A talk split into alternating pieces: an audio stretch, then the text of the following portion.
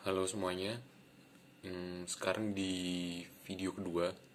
Setelah kemarin ada satu video yang Itu sebenarnya cuma satu video Tapi dipecah dua kali Karena itu setengah jam. Jadi masing-masing video sekitar 15 menit. Sebenarnya Sekarang ini lagi nggak pengen ngomongin sesuatu. Tapi karena berhubung Buka puasa masih Berapa jam lagi nih? Masih satu setengah jam lagi. Sekarang udah jam 8 kurang.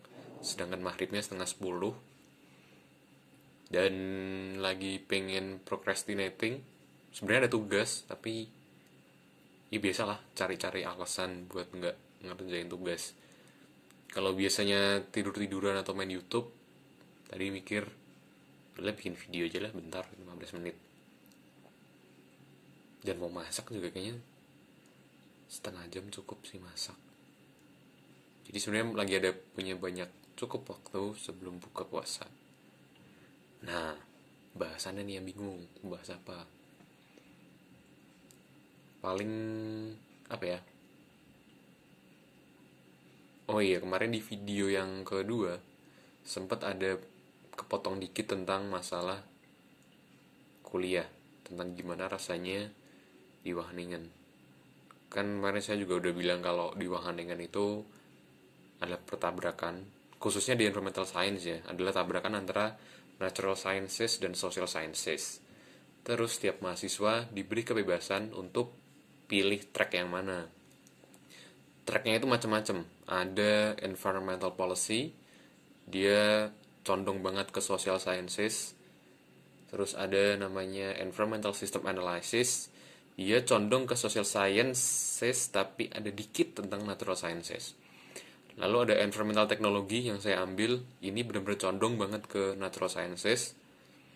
Lalu ada apa lagi ya? Ada water system and global change, ini uh, saudaranya environmental system analysis. Cuman kalau water system and global change dia spesifik tentang air dan perubahan iklim global. Sedangkan kalau environmental system analysis dia masih membicarakan tentang hutan, um, ruang terbuka hijau segala macam. Tapi kalau yang WSG, Water System and Global Change, dia spesifik air dan perubahan iklim. Lalu ada lagi namanya toksikologi. Toksikologi ya natural science banget jelas dengan sedikit ke social science-nya tentang penyebab penyebab-penyebab kenapa bisa terjadi pencemaran lingkungan yang mengakibatkan uh, bocornya atau munculnya toksin atau racun. Terus ada lagi air quality and atmospheric chemistry. Ini sama kayak toksikologi, cuman skopnya beda. Dia lebih ke pencemaran udara, jelas. Sama meteorologi. Terus ada lagi air quality, eh sorry, aquatic ecology dan apa ya? Pokoknya aquatic ecology aja. Kodenya tuh MAQ ya kita sebut saja aquatic ekologi saya juga lupa. Dia sama juga kayak tadi air air quality tapi dia skopnya untuk air dan air dan apa istilahnya sih kok lupa? Daerah aliran sungai laut dan segala macam. Perairan perairan. Jadi ini fokusnya emang ke air dan perairan. Lalu ada lagi namanya soil. Tapi saya lupa nama panjangnya pokoknya soil tentang tanah jadi emang si empat saudara ini tadi toksikologi, air quality, aquatic ekologi sama soil dia di rumpun quality. Jadi mirip-mirip tapi skopnya beda. Nah dulu sebenarnya saya pengen masuk ke ada tiga nih calonnya environmental technology, water system and global change, dan air quality and atmospheric chemistry. Pertimbangannya apa? Yang satu, environmental technology jelas karena S1 TL jadi kalau ke sini hampir pasti yang dipelajari akan sama. Jadi semacam kayak ngelanjutin yang belum pernah dipelajari tapi lebih advance. Terus yang kedua yang water system and global change karena tertarik dengan water dan uh, globalnya. Jadi kepikiran aja kalau di Indonesia itu lagi kayaknya masih belum terlalu jadi isu yang sangat dibahas tentang climate change dan perubahan global lainnya kayak global warming segala macam jadi kayak kepikiran aja oh kayaknya karena di Indonesia masih jarang bisa kali ya jadi pionir di bidang itu. Dan ada juga tentang water system kan. Water system memang di Indonesia jelas kepake banget karena masih jadi masalah. Cuman kenapa nggak jadi ambil WSG karena setelah saya tahu tadi pembagian condong-condongnya bahwa si WSG ini condongnya masih terlalu ke social sciences daripada ke natural science-nya. Jadi dia si WSG ini mempelajari karakteristik atau pola hidup perilaku manusia yang mempengaruhi water system dan global change. Jadi tidak tidak tentang bagaimana merekayasa atau bagaimana menyelesaikan masalah yang terjadi di water system atau global change. Jadi dia kayak lebih ke hulunya, sedangkan yang saya incar ada di hilirnya. Natural science di WSG hanya berfungsi sebagai acuan aja, jadi supaya keep on track bahwa ini nggak terlalu social science. Karena fenomena-fenomena yang dibahas adalah fenomena natural science. Jadi kayak ibaratnya paper atau jurnal yang dibahas itu sering kali social science banget tentang behavior, tentang adanya suatu kebijakan, governance gitu misal. Tapi governance-nya tetap keep on track dengan fenomena-fenomena lingkungan di water system dan global change. Jangan itu enggak, bukan yang sebenarnya saya cari banget. Lalu yang ketiga, ada air quality and atmospheric chemistry. Nah, ini natural science banget dan dia dihilir. Jadi emang bagaimana pemantauan udara walaupun mungkin untuk rekayasanya nggak terlalu banyak tapi langsung lebih ke pemantauan dan kalau di Belanda sendiri fokusnya nggak hanya tentang COX, NOx, COX, bla bla bla kayak di Indonesia tapi dia juga ada tentang meteorologi dan ya meteorologi meteorologi kan ada terbagi ke suhu kelembaban segala macam jadi ada salah satu risetnya itu yang menarik sebenarnya dan saya tertarik adalah tentang urban heat island itu tentang kecenderungan kawasan urban atau perkotaan untuk menjadi lebih panas dibanding kawasan suburban. Kenapa? Karena di, di kawasan urban ada banyak gedung, ada banyak aspal yang ya intinya vegetasi di kawasan urban itu berbeda dengan kawasan suburban. Peruntukan lahannya juga beda, aktivitas dalamnya juga beda yang ternyata bisa meningkatkan suhu di kota tersebut. Padahal kalau summer itu udah cukup panas. Jadi udah summer, emang udah panas. Kadang ada heat wave, yaitu karena intensitas cahaya matahari yang sangat tinggi dan karena ada anomali, jadi ada heat wave. Dan yang ketiga tambah lagi urban heat island. Jadi panas tuh udah panas banget karena kegiatan antropogenik, kegiatan manusia, jadi tambah parah lagi. Itu menarik banget karena di Indonesia setahu saya masih belum banyak dibahas. Cuman setelah saya lihat mata kuliahnya di air quality, ternyata kuat banget di bagian matematiknya. Jadi matematiknya itu bahkan ekspektasi saya adalah dia langsung main modeling.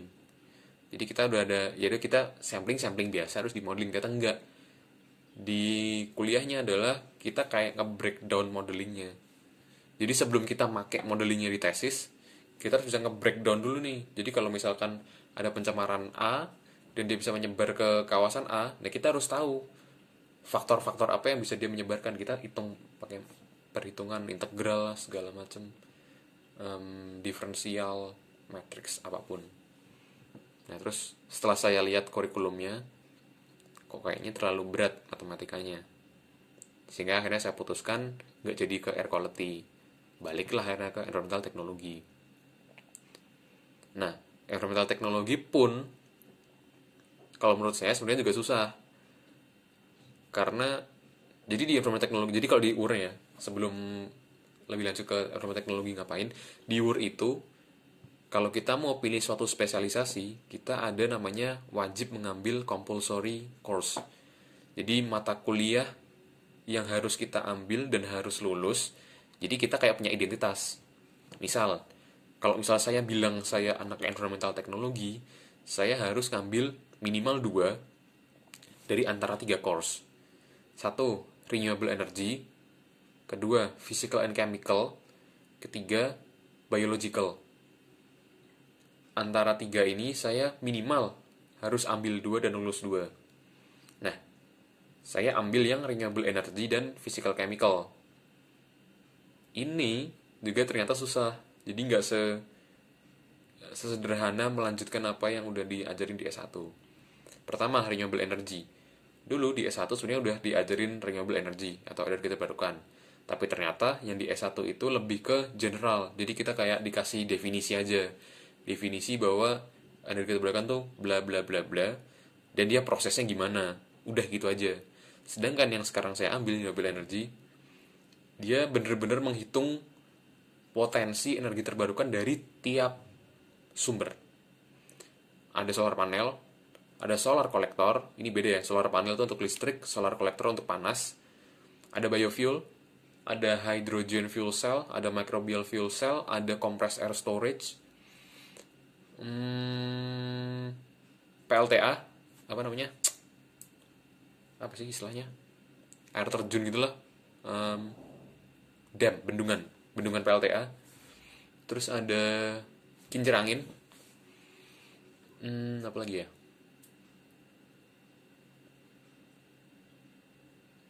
Hmm, oh ya saudaranya saudaranya microbial fuel cell.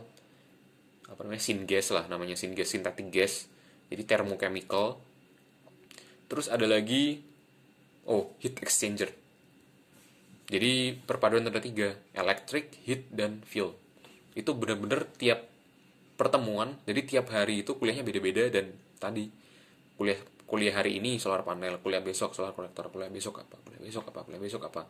Dan di tiap minggu ada tugasnya, tugas besar. Tugas besarnya kita disuruh merancang sebuah rumah yang dia self sufficient energy. Jadi satu rumah yang dia nggak pakai sumber listrik dari PLN-nya sini. Jadi kita benar-benar harus cari kira-kira gimana ya supaya dia bisa cukup entah kita pakai solar panel, wind turbine atau segala macam. Itu bebas bagian dari tugasnya adalah mencari sum sumber yang paling efektif dan efisien.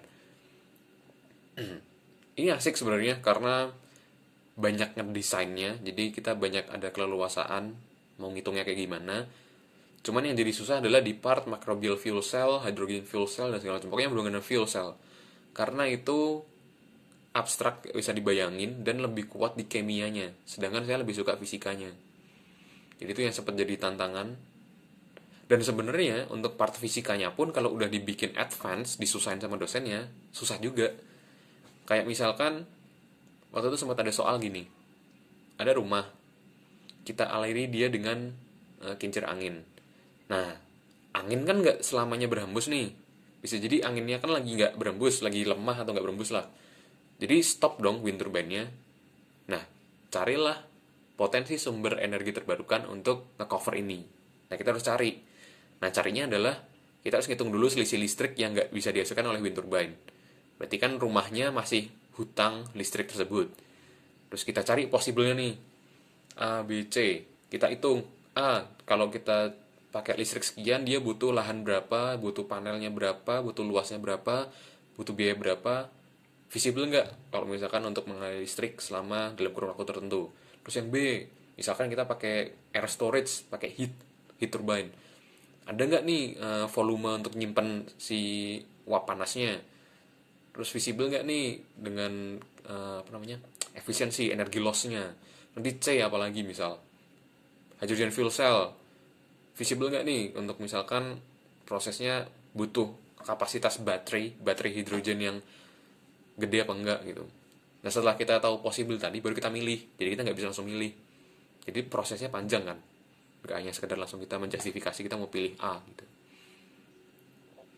Ya udah jadi intinya renewable energy ternyata susah walaupun mengasihkan dari segi fisikanya terus physical chemical ternyata susah juga. Kalau dulu di S1 ada satuan operasi dan satuan proses ini tuh digabung.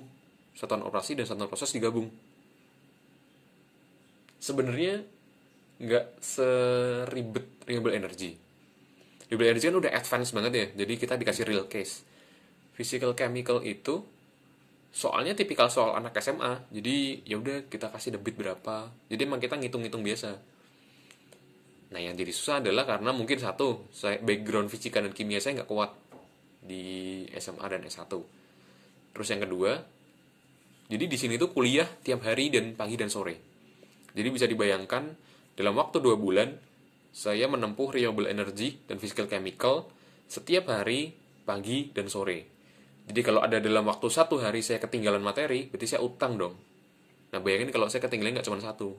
Misal saya kuliah hari ini saya nggak mudeng. Kan berarti saya pengen belajar lagi besoknya kan.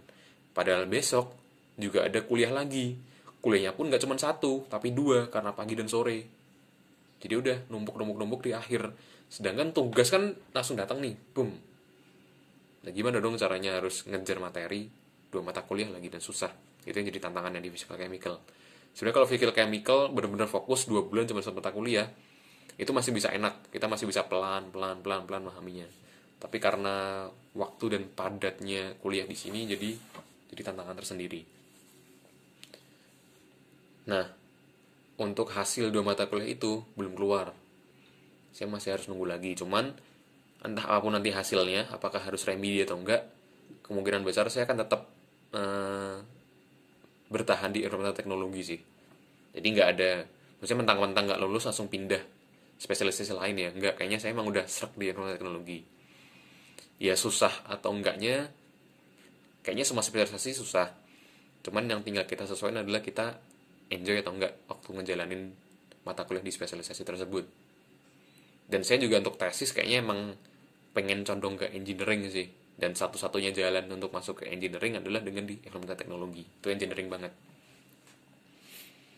Terus udah saya mana ya? Oh ya terus udah kan. Jadi kalau misalkan kita udah lulus dua mata kuliah yang compulsory tadi kita bisa dapat spesialisasi. Nah kewajiban kita adalah ada dua. Satu menempuh 120 ECTS atau berapa angkanya saya nggak nggak hafal. Sekian ECTS lah. ECTS itu SKS nya di sini. European Credit bla bla bla. Yang kedua adalah kita punya satu spesialisasi dan berarti kan kita harus lulus tadi minimal dua mata kuliah tertentu.